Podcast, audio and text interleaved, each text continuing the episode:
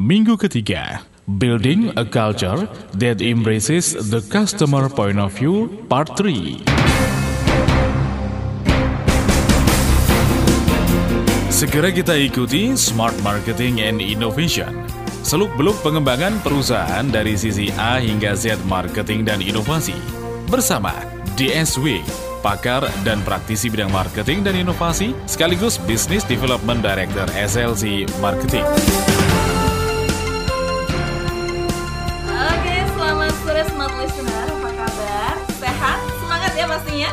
Jaga konsentrasi berkendara jika Anda saat ini sedang mobile, mengingat Surabaya eh, diguyur hujan saat ini ya.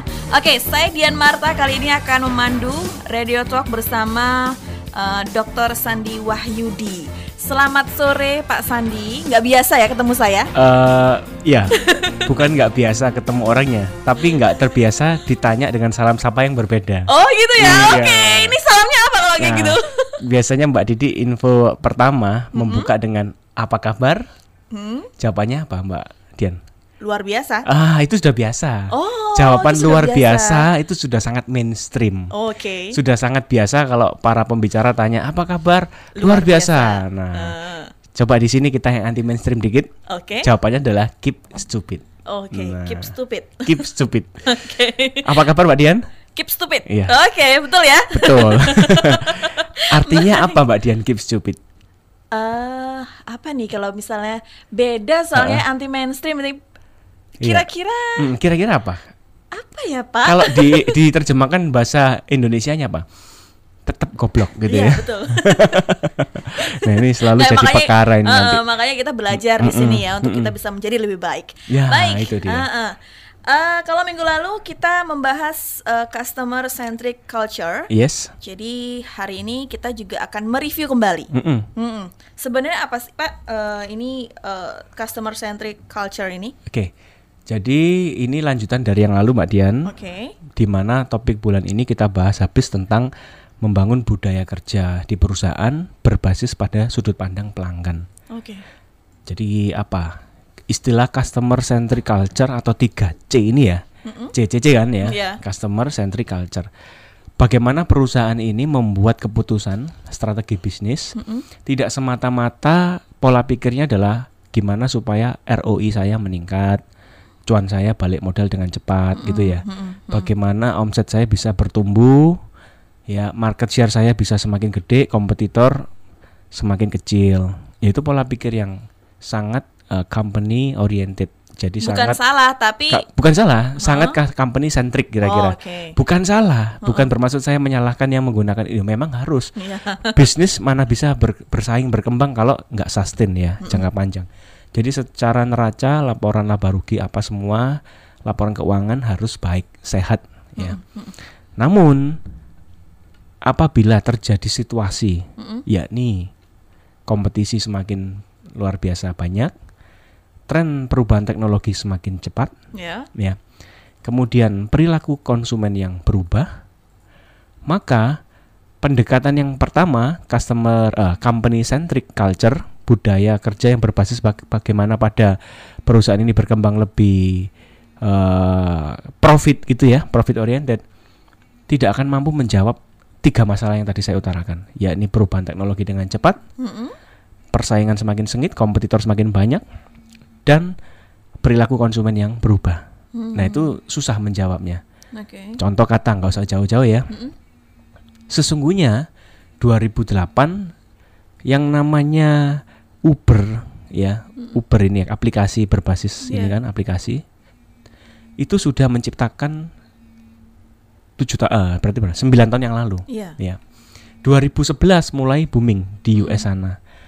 Dan beberapa petinggi, mohon maaf, taksi konvensional yang warna biru itu sudah sering mondar-mandir ke US dan mungkin sudah pernah pakai Uber juga. Iya. Ya, sudah tahulah kira-kira perkembangan daripada teknologi ke depan macam gimana. Mm-mm.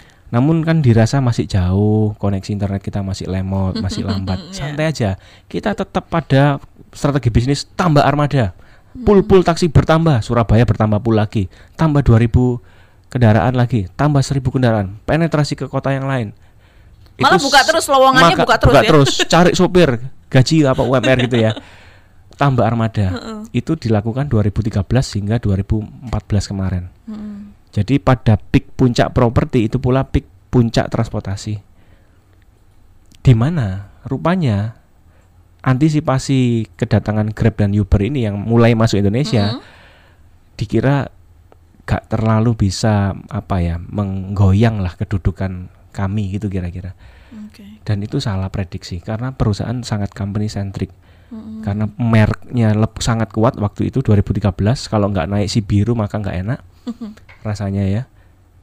Itulah posisi di mana sangat com- company centric culture. Oke, karena mungkin Mm-mm. pemikirannya waktu itu eh, kan ini sudah kita sudah kuat kok gitu, nggak Mm-mm. perlu khawatir kayak Iya, gitu ya. Mungkin mm-mm. pemikiran seperti itu, tapi ternyata ada perubahan teknologi di situ, perkembangan teknologi yang luar biasa. Oke, Ya. terus eh, untuk menghadapi itu nih Pak, Mm-mm. menghadapi budaya perubahan teknologi khususnya, Mm-mm. kita bicara satu-satu nih, teknologinya dulu, Mm-mm. itu bagaimana? Oke. Sekarang ini Mbak Dian Mm-mm. tidak ada yang tidak bisa di online kan Mm-mm. kecuali satu. Kamar mandi online itu nggak bisa. mau bikin ya, Mas Andi mau bikin ya? Nah, itu nggak bisa. Kalau jual apa eh, homestay sudah online. Ya. Jual buku apalagi. Sekarang jual CD nggak ada semua pakai Spotify di online kan. Rujak aja online kok. Rujak aja online. Jual apa yang nggak online? Mohon maaf ini, mohon maaf. PSK aja online Iya jualnya. betul. Nah, apa yang nggak bisa di online kan? Ya itu tadi kamar mandi online yang nggak bisa. Mas Andi mau bikin. Oh enggak, bahaya. Oke. Oke. iya. Nah, artinya usaha apa pun yang tidak antisipatif dengan perubahan tren teknologi, ya tinggal kuat-kuatan nantinya. Contoh, ini nggak usah Hmm. jauh-jauh Mbak Dian ya. Beberapa waktu lalu kami ditelepon grup properti besar Mm-mm. ya di Jakarta yang punya ITC lah kira-kira Oke. ya. Seluruh ITC yang dia punya. Kemudian eh, kontak kami seperti ini. Banyak Pak tinen-tinen itu para penyewa ya toko-toko itu nggak perpanjang usia sewanya. Hmm. Sedemikian kami ini kelimpungan karena apa? Juga traffic pengunjung ke mall kami ini semakin hari semakin sepi, Hmm, berkurang ya. berkurang. ITC di ITC mayoritas kan jual fashion, Mbak. Iya betul. Mbak Dian ya. Heeh. Banyak yang penyewa mengatakan waktu kami tanya, kenapa kok nggak lanjut? Lah wong jual lewat online Tokopedia, lewat Lazada iki omsetnya lebih gede kok. Lah apa nyewa? Biaya sewa, biaya listrik, biaya servis kebersihan. Lah nek online lah gak bayar apa-apa. Mm-mm. Nah, jadi banyak yang para tinen itu mengeluh eh, omset lewat online lebih baik, Lebih menggiurkan. lebih menggiurkan. Sedemikian ini juga jadi permasalahan. Industri retail ke depan yang punya mega-mega mall ini harus hati-hati. Oke. Nah, kalau dari Mm-mm. pandangan Pak Sandi, Mm-mm. ini retail-retail ini sebaiknya ngapain kalau sudah seperti itu ya keadaannya? Ya. Apakah harus juga di online kan? Mungkin akan berubah fungsi, Mbak, Mm-mm. Mbak Dian. Kita lihat beberapa nggak usah jauh-jauh di Surabaya. Oke. Di Surabaya yang dulu terkenal satu mall, sekarang mallnya lebih spesifik jual cuman elektronik. Spesifik jual cuma gadget. Ya. ke depan macam kayak di Guangzhou di China akan demikian. Jadi Oh. satu mall khusus dikenal sebagai elektronik tok, satu mall dikenal sebagai apa fashion tok gitu ya. Hmm, Satu mall dikenal sebagai trading tok. Jadi trennya kan ke sana.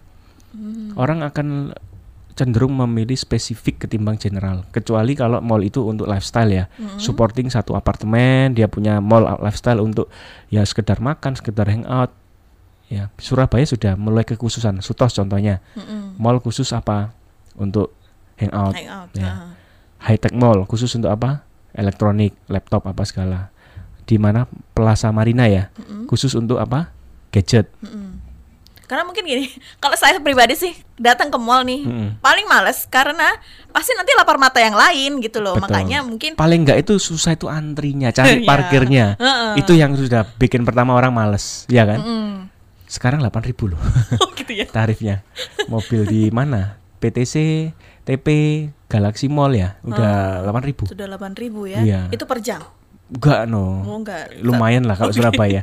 kalau di Jakarta 3-4 jam sudah 25.000 30.000 sendiri. Tarifnya kan per jam. Iya, per jam. Mhm.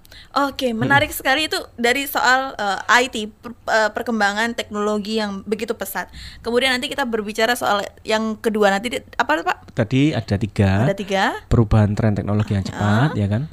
Kedua adalah perilaku konsumen sendiri. Nah, perilaku konsumen ini bagaimana sih Nah, smart listener? Betul. Terus Jadi persaingan yang tambah banyak kompetitor dari luar juga. Oh, Oke, Peri- eh, eh, di sesi berikutnya kita akan ber- membahas perilaku konsumennya sendiri bagaimana untuk eh, menghadapi eh, persaingan yang begitu kompetitif sekarang Ya, ya. oke.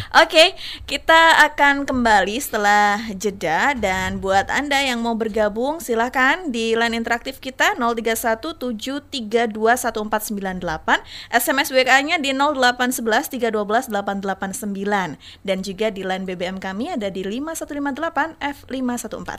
Kita akan kembali lagi setelah jeda berikut ini.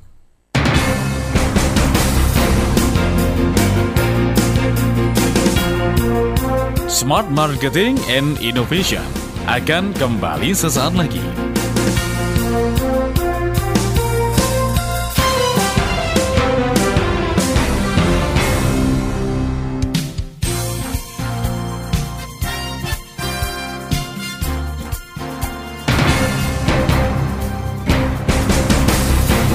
Kembali kita ikuti Smart Marketing and Innovation. Seluk-beluk pengembangan perusahaan dari sisi A hingga Z marketing dan inovasi. Bersama DSW, pakar dan praktisi bidang marketing dan inovasi, sekaligus Business Development Director SLC Marketing. Sampai jam 6 nanti smart listener, silakan buat Anda yang mau tanya-tanya ya di 0317321498, SMS WA-nya di 08113128889 dan BBM-nya di 5158 F514. Masih juga bersama dengan DSW Dr. Sandi Wahyudi. Beliau ini adalah Business Development eh, dari SLC Marketing Inc. Nah, Ya.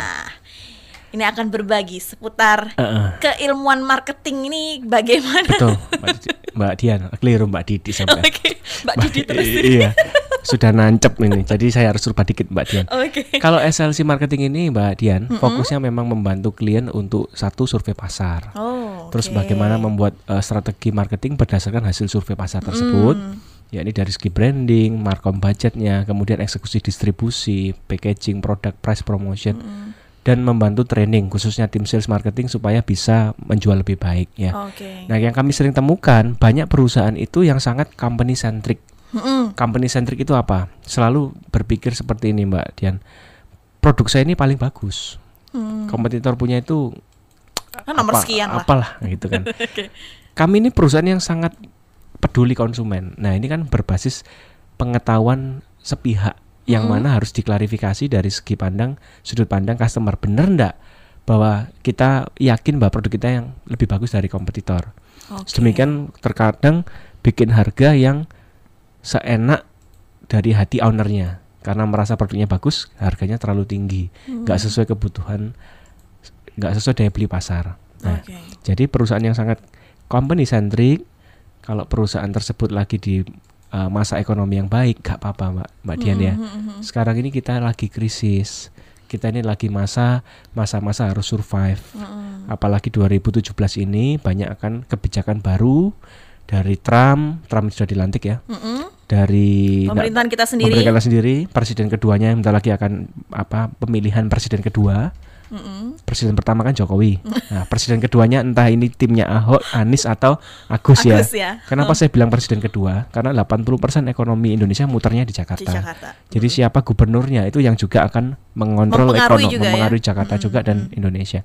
Oke. Nah, ini maka pendekatan company centric ini coba kita sisihkan dulu. Yang fokusnya pada pertumbuhan omset. Oke, tahun ini saya mau naik omset berapa? Ya wis, berarti invest mesin lagi berapa? Berapa unit? Mhm, Ini hati-hati Oke. ya. Jadi jangan terlalu gegabah dalam tahun-tahun ini. Hmm. Fokuslah kepada siapa customer kita yang kita sudah layani selama ini, existing khususnya ya. Mhm. Supaya mereka belanja lebih banyak ini lebih sering gimana dengan kondisi dompet yang semakin seret gitu ya.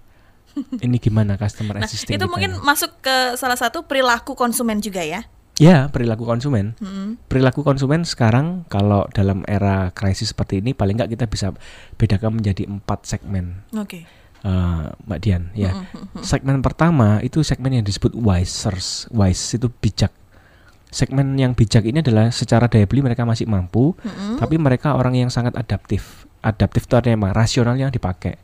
Jadi waktu kita deketin orang ini jangan kasih diskon promo. Mending kasih mereka ya harga tetap sama tapi value kita tambahkan. Hmm. Jangan naikkan harga, jangan turunkan harga lah. Give them same but ah give them more but we get the same price gitu kira-kira. More for same. More for them value-nya lebih tinggi tapi harganya kita tetap dapatkan sama, price-nya sama. Nah. More for same. More for them but we get the same price. We get the same money kira-kira gitu. Oke. Tapi kalau misalnya ada ada konsumen yang uh, berpikiran bahwa uh, kuantitas menentukan kualitas. Mm-mm. Nah, itu bagaimana? Nah, jadi customer yang jenis Wisers ini, Mbak, Di- Mm-hmm. Mbak Dian, mereka cari kualitas. Oh, oke. Jadi kita kasih kualitas yang sama, Mm-mm. jangan diturunkan. Mm-mm. Kita tambahin kuantitinya dikit lah. Bonus, misal beli berapa tambah satu kaleng, beli, beli apa tambah bonus apa, lebih kepada bonusnya. Hmm, hmm. Tapi juga perlu dilakukan eh, itu tadi ya, pendekatan-pendekatan. Ya, Hmm, pendekatan seperti apa sih kalau misalnya zaman sekarang ini? Apakah melalui online juga bisa dideketin? kalau untuk Wisers berarti kan segmennya daya belinya lebih oke ya. Ya. ketimbang segmen nanti yang saya sebutkan panickers, ada bargainers, ya, ada segmen floaters. Nah, kira-kira segmen yang lain seperti apa pendekatannya? Segmen wisers ini segmen yang kurang lebih ada di rentang usia 50 sampai 60 tahun. Jadi secara online mereka mungkin butuh edukasi ya. wisers itu segmen gini loh, Mbak Dian. Oke. Gak apa-apa aku metu duwe akeh, gak apa-apa sing penting aku selamat. Gitu kira-kira. Oh, oke. Larang Siti gak apa-apa sing penting iki iso suwe daya tahan nih barang ini gitu. Hmm, Ini usia tertentu orang sudah nggak peduli harga. Iya. Usia tertentu orang ini ingin jangka panjang. Hmm. Yaitu mereka yang dompetnya oke lah ya. Oh, Oke, Jadi ini secara saya jadi ingat secara usia 50 60 ini segmennya. Oke. Wisers ini. Makanya disebut wisers bijak. Biasanya orang semakin botak ya, saya tambah lama tambah botak lihat ini. semakin bijak pula. Iya, Oke. semakin harga jual konsultannya lebih mahal ya. Oke, ini berarti saya jadi ingat ibu saya ini tingkah lakunya perilakunya seperti ini ya. Iya. Tetap eh, mengeluarkan duit berapa nggak apa-apa, nggak apa-apa, mahal dikit nggak apa-apa, tapi kita bisa dapetin apa yang kita mau gitu. Oke, kemudian kalau misalnya Ini dari perilaku konsumen yang akan berubah ya. Biasanya sih Wisers ini biasanya nggak nego juga nggak nawar. Tapi Oh. dalam masa krisis mereka nawar. Tapi nawarnya bukan nawar harga. nawarnya Nawarnya adalah ada anu nggak tambahan nggak? Harganya nggak apa-apa, sama nggak masalah saya harga. Ada Cuma fasilitas kalau yang lain nah nggak? ada tambahan servis nggak gitu loh. Ini perilakunya yang berubah ke sini. Oh. Yang semula nggak minta tambah-tambah, nggak minta diskon-diskon, sekarang wis gak usah didiskon, tambah aku lah apa. negonya di situ Negonya ya. di sana. Pasti nego lah masa krisis gini kan. Cuma dia wise yang dinego. Oke. Jangan kualitas kamu korbanin, Oh. tapi tambahan servis yang lain lah. Oh, gitu ya. Berarti ah, Ini perilaku konsumen yang berubah nih. Mm-mm. Kalau kita customer centric culture, kita harus peduli konsumen. ya, Apa yang berubah di sikap mereka momen-momen seperti ini? mesti survei dulu ya. Berarti Ah, harus betul. ngundang SLC juga. Betul. kalau anda berkenan bisa kontak kantor kami, kami bantu survei kan ya. Jangan kalau kalau yang gini mbak, mbak Dian, kalau yang company centric banget itu berangkatnya? Gimana? Kita ngabisin stok di gudang, ayo promo apa nih kita genjot nih supaya keluar barang. Oke. Fokusnya pada nih stok lagi banyak nih kita genjot apa. Tapi kalau pendekatan eh, customer centric, kita coba deketi customer, customer itu butuh apa? Coba kita kasih bonus apa untuk wisers. Nanti segmen yang beginners floaters kasih diskon nggak ma nggak masalah untuk genjot stok habis di gudang tadi ya. Mm-mm. Pendekatannya lebih kepada segmen yang lain. Mm. Sesungguhnya di perusahaan kita itu ada empat segmen ini. Perusahaan apa pun kita, Mm-mm. Apa pun jenis industri kita, kita selalu menghadapi empat orang, empat jenis orang ini Oke. segmen wisers, Wisers. floaters, uh, pe- panickers dan beginners selalu ketemu orang-orang ini. Oke. Nah, tapi kalau ketemu yang wisers jangan demi untuk stok di gudang habis kita kasih promo, malah mereka takut ragu. Lagi kok murah? beneran nggak ya? Beneran nggak ini? Mereka nggak jadi beli loh. Heeh. Dika- kiranya KW, barang KW. Jadi mesti hati-hati juga, mesti survei juga ya. Hmm, Ya, hmm, hmm. Oke, kalau misalnya dari eh, customer-customer yang seperti tadi, panickers, itu Mm-mm. bagaimana tuh? Oke.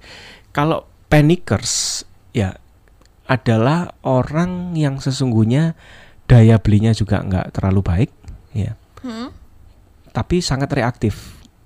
Emosional banget, nggak rasional tapi emosional. Oh. Ya. Coba kita petakan dulu ya Mbak Oke, Dian ya supaya ya. anu ya. Yang pertama adalah wisers, daya beli oke dan rasional. Kalau yang eh, ini apa namanya floaters ya floaters ini daya belinya oke juga tapi dia sangat emosional Hmm. jadi dompetnya kuat tapi mudah di apa goyang sama promo marketing ya Hmm, itu floaters float ngambang pengambang kalau panickers itu daya belinya nggak baik pun emosional itu panicker panik Panikers, orangnya panik Panikan ya. karena budgetku cekak kena serangan promo marketing emosional ya labil ya istilahnya itu panik panikers Memarah nggak? enggak lah Oh, enggak panik ya. nggak harus kan marah Oh gitu. mungkin Oke, nangis oke. iya Emosional tadi. Emosional. Oke. nah Kemudian. kemudian yang terakhir itu bargainers bargain itu kan apa? Penawar ya. Mm-mm. sudah daya belinya kurang ya. Tapi dia masih rasional. Masih rasionalnya jalan. Oh. nah kira-kira tipikal masing-masing gimana? Ini langsung langsung atau Oh lanjut lanjut aja langsung aja kita habisin di sini. Nanti di segmen berikutnya. em, oh gitu ya? iya. masih cukup ya? Iya masih cukup. oke. Sedikit aja. ya segmen yang mana dulu mbak Dian? Nah, eh, kita bahas sedikit-sedikit aja deh. Heeh. Eh, ini yang yang terakhir bergenes ini apa? oke yang terakhir atau yang kedua dulu Ah. terserah mbak Didi mbak Dian pilih yang mana wis pilih yang mana dulu Oke, kalau tadi kan kita sudah bahas nih soal Wisers eh, Wisers, kemudian Bijak, ya. eh, panickers juga ya. Panik panickers itu daya belinya kurang, Heeh. le- tapi emosional emosional eh, banget nah. emosional banget. Kemudian floaters itu rasionalnya oke, daya belinya juga oke gitu, tapi nggak emosional nggak. Dia cenderung ke rasionalnya ya, tapi Oh enggak, daya belinya oke kalau floaters ya. Daya beli oke, tapi Oke, emosional. Emosional. Oh, Ah. oke, emosional juga. Ngambang dong dia. Oh iya, benar. Float itu ngambang, heeh. emosional bukan rasional melainkan emosional, tapi daya belinya masih oke. Oke. Kemudian yang terakhir, Kalau yang terakhir bargainers beginners itu sudah apa namanya? Daya belinya kurang kan? Mm-mm. Tapi dia masih punya rasional. masih ditawar-tawar Mas- uh-uh. wuh, gitu ya. Contohnya seperti ini, bedakan antara eh, ini Mbak Didi ya, eh, Mbak Dian, bargainers ya ini coba ya. Bargainers ini daya belinya kan nggak terlalu baik. Jadi pas dia datang ke mall misalnya, Mm-mm. waduh ada promo nih. Dari yang harga katakan 2 juta, tinggal satu juta setengah. Hmm. Wah ini budgetku sebetulnya sih ada 2 juta. Cuma aku harus cicil memang. Kalau 2 juta cash aku nggak punya. Mm-mm. Aku sudah siapkan nabung. Iya. dia nabung sampean ya Iya. untuk beli sesuatu misalnya handphone lah gak apa-apa aku memang budgetku 2 juta tak bikin cicilan berapa kali Oke. wis daripada ini satu setengah juta khawatir bukan merek yang saya mau tuju mending tak anu dah tak tahan dulu Oke. bulan-bulan depan kalau aku sudah siap aku baru ambil barangnya jadi dia ada promo pun masih rasional karena yang satu setengah juta di depan mata sebenarnya dia langsung beli cash bisa Mhm. tapi bukan yang dia inginkan Oke. tipe yang bukan dia dia inginkan yang dia inginkan adalah memang harga 2 juta dan lagi belum ada promo Hmm. mending dia tunggu sudah mampu cicilan DP-nya baru dia ambil bulan depan oh, dia daya belinya cekak tapi rasional Tapi rasional. nah strategi gimana menghadapi orang kayak gini Nah, itu dia. Belum yang panickers Oke. kalau panickers stop dulu dah Oh, ini stop dulu aja Iya. nih. Kita bahas di sesi berikutnya ya. Ha-ha. Ini kira-kira saya masuk ke mana nih ya? Kalau seperti ini. pelan-pelan Mbak Dian jangan terburu nafsu ya iya nggak sabar ini soalnya saya Heeh. saya ini tahu di segmen yang mana nih untuk menghadapi saya? Oke baik. Buat smart listener eh, monggo silakan anda eh, bergabung untuk interaktif bersama kita di sini sampai jam 6 petang nanti ya masih banyak kebersamaan kita, masih panjang kebersamaan kita di telepon interaktif kita 0317321498, SMS WA-nya di 08113128889 atau mungkin bisa di BBM 5158 F514. Masih dengan bersama eh, Dr. Sandi Wahyudi. Beliau adalah Business Development dari SLC Marketing Inc. Kita akan kembali lagi setelah jeda berikut ini.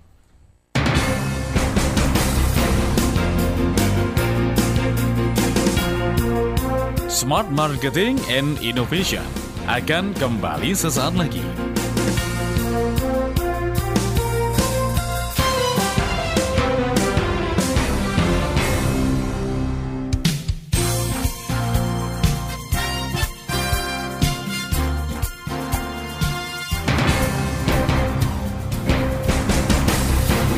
Kembali kita ikuti Smart Marketing and Innovation. Seluk-beluk pengembangan perusahaan dari sisi A hingga Z marketing dan inovasi.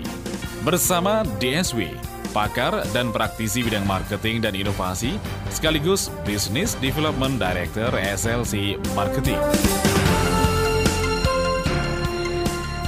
Tidak terasa kita sudah sampai di sesi ketiga Radio Talk bersama dengan DSW Dr. Sandi Wahyudi dari SLC Marketing Inc. Beliau adalah Business Development ya. Oke, eh, kita membahas ini perilaku-perilaku konsumennya, Iya. mengenali ya. Ini kenal dulu nih, konsumennya seperti apa yang dihadapin kayak gitu. Nah tadi ada empat tipe, ada racers, kemudian panickers, floaters, dan beginners Ya. ya. Oke. Kemudian nih Pak, Mm-mm. cara menghadapinya. Nah itu benar. Heeh, gimana? Kalau beginners itu kasih strategi less for less. Apa itu Maksudnya? less for less? Kita harus terpaksa kasih diskon ke mereka. Ya. Tapi mereka juga harusnya eh, apa namanya mau barang yang mereka peroleh juga lebih kurang kualitasnya. hmm, berarti gini ya, dalam artian eh, nggak apa-apa harganya murah, Mm-mm. kualitasnya kualitasnya di bawah tapi harganya murah kayak gitu. Iya. Dalam arti seperti itu. Nah ini biasanya di usia berapa nih kalau kayak gini? Ah, Oke, beginners itu kan tadi kita kategorikan daya belinya kurang, Ya. Nah, tapi cukup rasional. Ya. Artinya secara usia segmen-segmen eh, katakan yang pekerja new apa ya pekerja baru ya kurang lebih ya dari baru lulus dia dapat kerja kurang lebih di angka 20 sampai 30-an lah ya. Ini adalah orang-orang yang inginnya banyak, keinginannya banyak. Oke. Cuma daya beli secara budgetnya mungkin kurang kan gitu. Maka segmen ini terkadang lebih rasional apa wis gak apa-apa, yang penting aku punya barangnya walau kualitasnya kurang bagus, yang penting aku punya. Kira-kira. Kira-kira seperti itu. Hmm, Jadi, jaga image ya, Jaga jaim ya. jaim, asal punya. Kalau yang tua tadi gak punya gak apa-apa, yang penting punya ini harus jangka panjang. Oh, gitu. Wisers. Jadi Oke. harga pun nggak usah terlalu murah, Pikirin mereka ya. masih mau. Hmm, hmm, hmm. Kalau floaters itu bagaimana ini? Ini saya agak bingung nih kalau begini. Hmm. Eh, emosional iya, kemudian daya belinya tapi oke juga gitu. Hmm. Ini maksudnya? Oke. Kalau floaters secara daya beli kan oke. Jadi segmen usia 40, 50, 60 ya. Mm-mm. Tapi emosional. Hmm. Ini mohon maaf. Khususnya bagi wanita ya, kan emosional soalnya ya. Ya, jadi di mana orang-orang seperti ini Mm-mm. cenderung nggak butuh pun akhirnya beli karena ada, ada tulisan SALE, Apa itu? Sale. Oh, saleh. Iya. Oke. saya baru nggak. ke pasar atom gitu ya. Heeh. Waduh, ini tas Pak. Pak Ama belum punya, Pak. Warna yang kayak gini. Loh, di rumah masih ada 20 tas itu. Wah, iya beli dulu lah. Jaga-jaga. Nanti pas ada pesta, bajunya nggak ada yang matching, bisa tas ini bisa ngisi. Hmm. Ya sudah, akhirnya apa? Mumpung ada sale, Pak, gitu kan. Daya belinya ada, ada. Ada. Butuh nggak beli waktu itu? Sebenarnya nggak Nggak butuh. butuh. Tapi karena ingin ya kan. Heeh. Jadi mudah apalagi ada tulisan SALE, beli akhirnya. Jadi segmen ini paling enak, paling empuk. Untuk wanita terutama. Enggak juga sih. Oh, enggak juga ya. Pria juga ada yang iya. maskulin, ada yang feminin. Ya, saya ini termasuk pria feminin loh. Oh, iya. Jadi bukan masalah wanitanya. Kira-kira seseorang yang mudah disentuh secara emosional ini adalah promo buy to get one, apa diskon. Terus setelah itu cuci gudang, kata-kata Hmm. sali tadi. Emosional yang jalan. Mumpung hari ini ada promo, kapan lagi Pak itu ya? Kapan Hmm. lagi Ma kalau dia prianya yang lebih emosional. Tidak peduli tingkat kebutuhannya sampai di mana begitu. Yang penting emosionalnya terpenuhi dulu Betul. nih. Dan Oke, jangan dikasih promo cicilan orang-orang ini. Oh, Langsung kenapa? ambil keputusan hari itu juga. Kenapa begitu? Karena daya belinya ada. Oke. Punya kekuatan beli dengan cash. Mm-mm. Tapi mereka suka diskon. ya, yang wisers tadi malah ragu ya. Iya. Kalau bisa jangan kasih diskon tapi added value yang lain untuk momen krisis seperti sekarang. Oke. Nah, yang terakhir panickers. Ini orang panik ini luar biasa, Mbak, Mbak Ah. Dian. Sudah mohon maaf daya belinya kurang ya, dikasih promo marketing. Oke. yang semula katakanlah dia sudah menyiapkan dana untuk mohon maaf beli motor misalnya. Mm-mm. mendadak ada laptop baru ya yang mana eh, laptopnya sesungguhnya masih bisa masih bisa dipakai masih oke lah ya. Mendadak belu- beli laptop. Panik dia. Karena apa? Ngomongnya sih gini mending lah aku naik gojek. Motor nggak usah lah. Yang penting laptopku canggih kan gitu lebih lebih Ah. bagus Berarti ini kalau misalnya saya nangkap nih Mm-mm. eh, tergantung tingkat kebutuhannya sampai di mana dulu gitu. betul betul Oh. panik ini bisa berubah antara butuh dan ingin dia nggak sadar karena sangat emosional Oh, bisa-bisa di waktu yang bersamaan gitu ya. ya Mm-mm. di mana daya belinya juga kurang nah contoh mbak Dian kita ambil kasus lah Ya. usaha apa saya kasih contoh satu-satunya sebut usaha apa Usaha apa? di bidang ya? apa misal Eh, kalau di bidang kuliner nih. Mm-mm. Kuliner ya itu bagaimana? mungkin pendengarnya banyak yang kuliner ya selalu mbak Didik ya ngomong Oh, gitu ya? kuliner terus Oke. Ini boleh tapi nggak apa-apa berhubungan dengan badan saya ini. oh iya iya saya juga doyan makan ya Iya. oke Oke. misal kita punya katakan apa nih eh, restoran ya Iya. atau kafe Heeh. sesungguhnya ada empat jenis ini di kafe kita empat jenis orang Hmm, hmm. yang pertama adalah jenis wisers, Wisers. ya katakan orang ini mbak Didik sudah doyan jenis minuman tertentu Mm-mm. atau makanan tertentu ya di mana dia akan selalu beli makanan ini Hmm. nggak tahu mak- apa makanannya ya Mm-mm. kalau kita kasih orang tersebut promo diskon ya sebetulnya dia seneng sih Mm-mm. cuma kalau bisa apa dia minta kita tawarkan bundling contohnya Hmm. jadi khusus hari ini bu menu yang ini ada minumannya tambahan Hmm. jadi dikasih tambahan menu Hmm. ya sesungguhnya diskon tapi nggak nggak serta merta langsung ke diskonnya ya added Oke. value yang kita utamakan Hmm. itu yang pertama Oke. yang kedua adalah segmen apa tadi Panickers. panickers Hmm. kalau segmen panickers dia rencananya mau beli menu ini gitu kan menu yang apa gitu ya mendadak wah aku hari ini kebetulan rodok bokek gitu ya menunya mahal misal 60.000 ribu stick atau apa gitu ya wes pokok aku tetap bisa hangout di tempat ini enak cozy soalnya wifi-nya kenceng juga wes lah aku pesen yang lain yang kira-kira ada promo hari itu karena daya belinya lagi bokek Oke. jadi promo apa yang tepat ya ini promo happy hour happy ap- Hmm. untuk menjaring orang-orang ini loh Oh, Oke oke. Heeh. Ya. ya. Heeh, heeh. atau promo produk yang nggak terlalu diminati dia kasih diskon. Untuk menjaring segmen ini Oke. ya jadi sesungguhnya promo yang kita luncurkan itu jangan sama ke untuk keempat orang ini di waktu yang bersamaan Oh. misal promo eh, minggu ini untuk si Wisers Heeh. promo minggu depan untuk si Panickers promo apa untuk si apa Oh, gitu. disiasati diganti polanya Oh, oke. oke. ini untuk industri retail ya untuk B2C business to consumer Mhm. Tapi kalau business to business nah ceritanya jangan di sini beda soalnya pendekatannya Oh, beda. jadi, ini segmen Wisers Panickers apa khusus untuk business to consumer Oke, Mm-mm. beda smart listener. Jadi untuk Anda yang ingin tahu lebih dalam ini ya, Anda bisa bergabung ya di tanggal berapa, Pak? ah 26, 26 Januari. besok Kamis Mm-mm. ya Di? di Java Paragon Hotel Oke. acaranya setengah dua sampai setengah enam ini terkait customer centric culture untuk oke. B2C juga untuk bisnis to bisnis juga Oke. kita bahas di sana Nah, itu cocok sekali ya. ya bagaimana per- eh, perusahaan bertransformasi etos kerja budaya kerja karyawan yang mana basisnya pada fokus kepada kebutuhan pelanggan sedemikian saat ada krisis seperti sekarang pun kita bisa survive Oke. Heeh. Mungkin bisa lah, nanti bisa kontak langsung ke SLC marketingnya boleh di ya mana?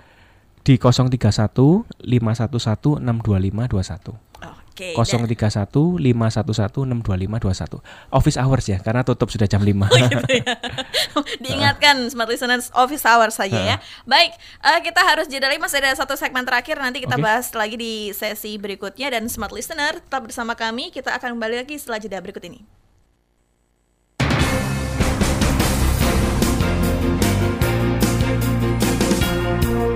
Smart Marketing and Innovation akan kembali sesaat lagi.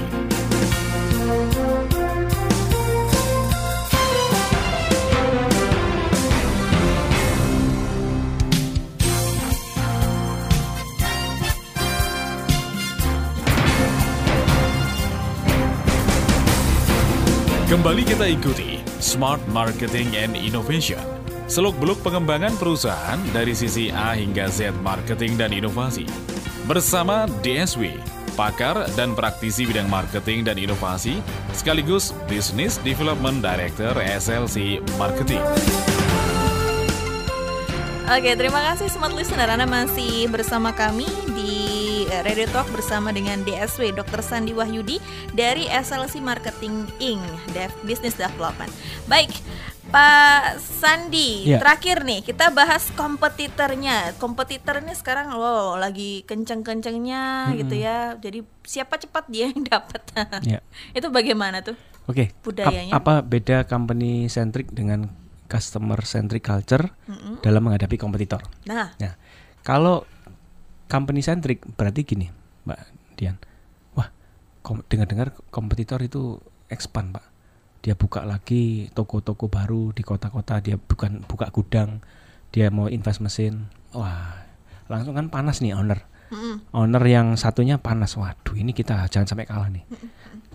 Kita juga tak lakukan hal yang sama. Wah, supaya apa? Kita nggak kalah bersaing dari segi kapasitas perusahaan oke. hati-hati kalau terlalu company centric di masa ekonomi bagus nggak apa-apa tapi kalau di masa sekarang lebih bagus kita customer centric aja kita lihat kita tengok segitu perlunya kah kita expand tahun-tahun ini dengan nambah mesin nambah sesuai kompetitor punya gerakan kita ikut semua. Mending kita tingkatkan service lah kepada eh, customer yang kita sudah layani supaya nggak pindah ke pesaing. Oh, karena apa? Kalau pesaing itu sudah bisa expand, scale of economisnya pasti gede. Ha- apa unit apa itu HPP per unit costnya itu pasti turun.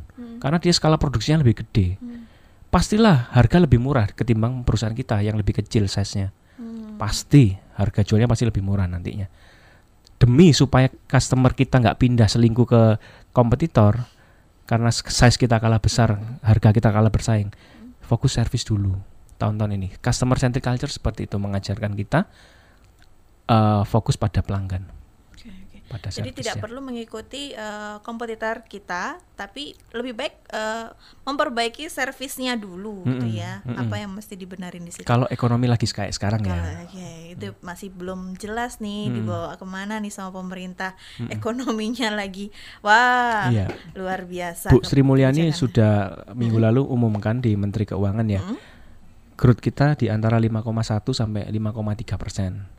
Oke. Secara dunia kita masih jauh di atas rata-rata. Kalau dunia kan 3,1 persen pertumbuhan seluruh di average ya. Mm. Jadi kita masih 2 persen di atas pertumbuhan ekonomi dunia. Tapi masih belum tahu juga ini kan Donald Trump baru saja dilantik Betul. kan. Oke, baik eh, Pak Sandi karena waktunya juga Ya, sangat terbatas. Kita ketemu aja di tanggal 26 ya. Oke, boleh. Saya silakan. boleh kasih nomor WhatsApp saya pribadi Oke. bagi Anda yang mendengar hari ini bisa saya tunggu WhatsApp-nya sampai pukul berapa? 6.30 ya. Ya, betul. Coba info ke saya eh, bahwa pendengar hari ini materinya tiga ini apa? Saya kasih clue-nya. Bagi yang WhatsApp dan benar, saya kasih satu invitation tiket ya senilai 450.000 ribu. Mm-mm. Saya kasih eh, satu aja ya, jangan banyak-banyak. Apa konklusinya ya? Bisa di WhatsApp ke saya nanti. Nomor saya di 081 7379 377. Saya ulangi di 081 7379 377.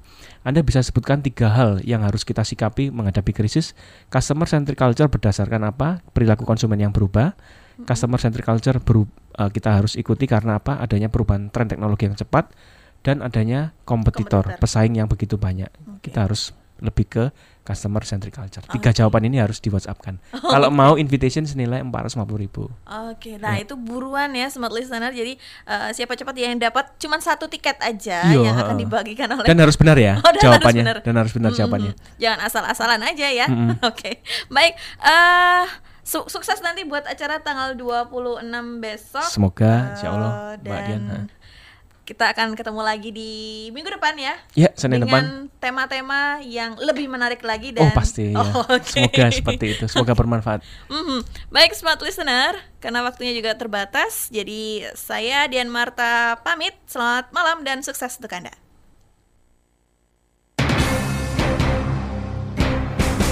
Demikian telah kita ikuti Smart Marketing and Innovation.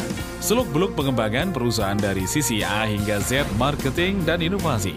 Bersama DSW, pakar dan praktisi bidang marketing dan inovasi, sekaligus Business Development Director SLC Marketing. Ikuti inspirasinya setiap hari hanya di 889 Smart FM Surabaya.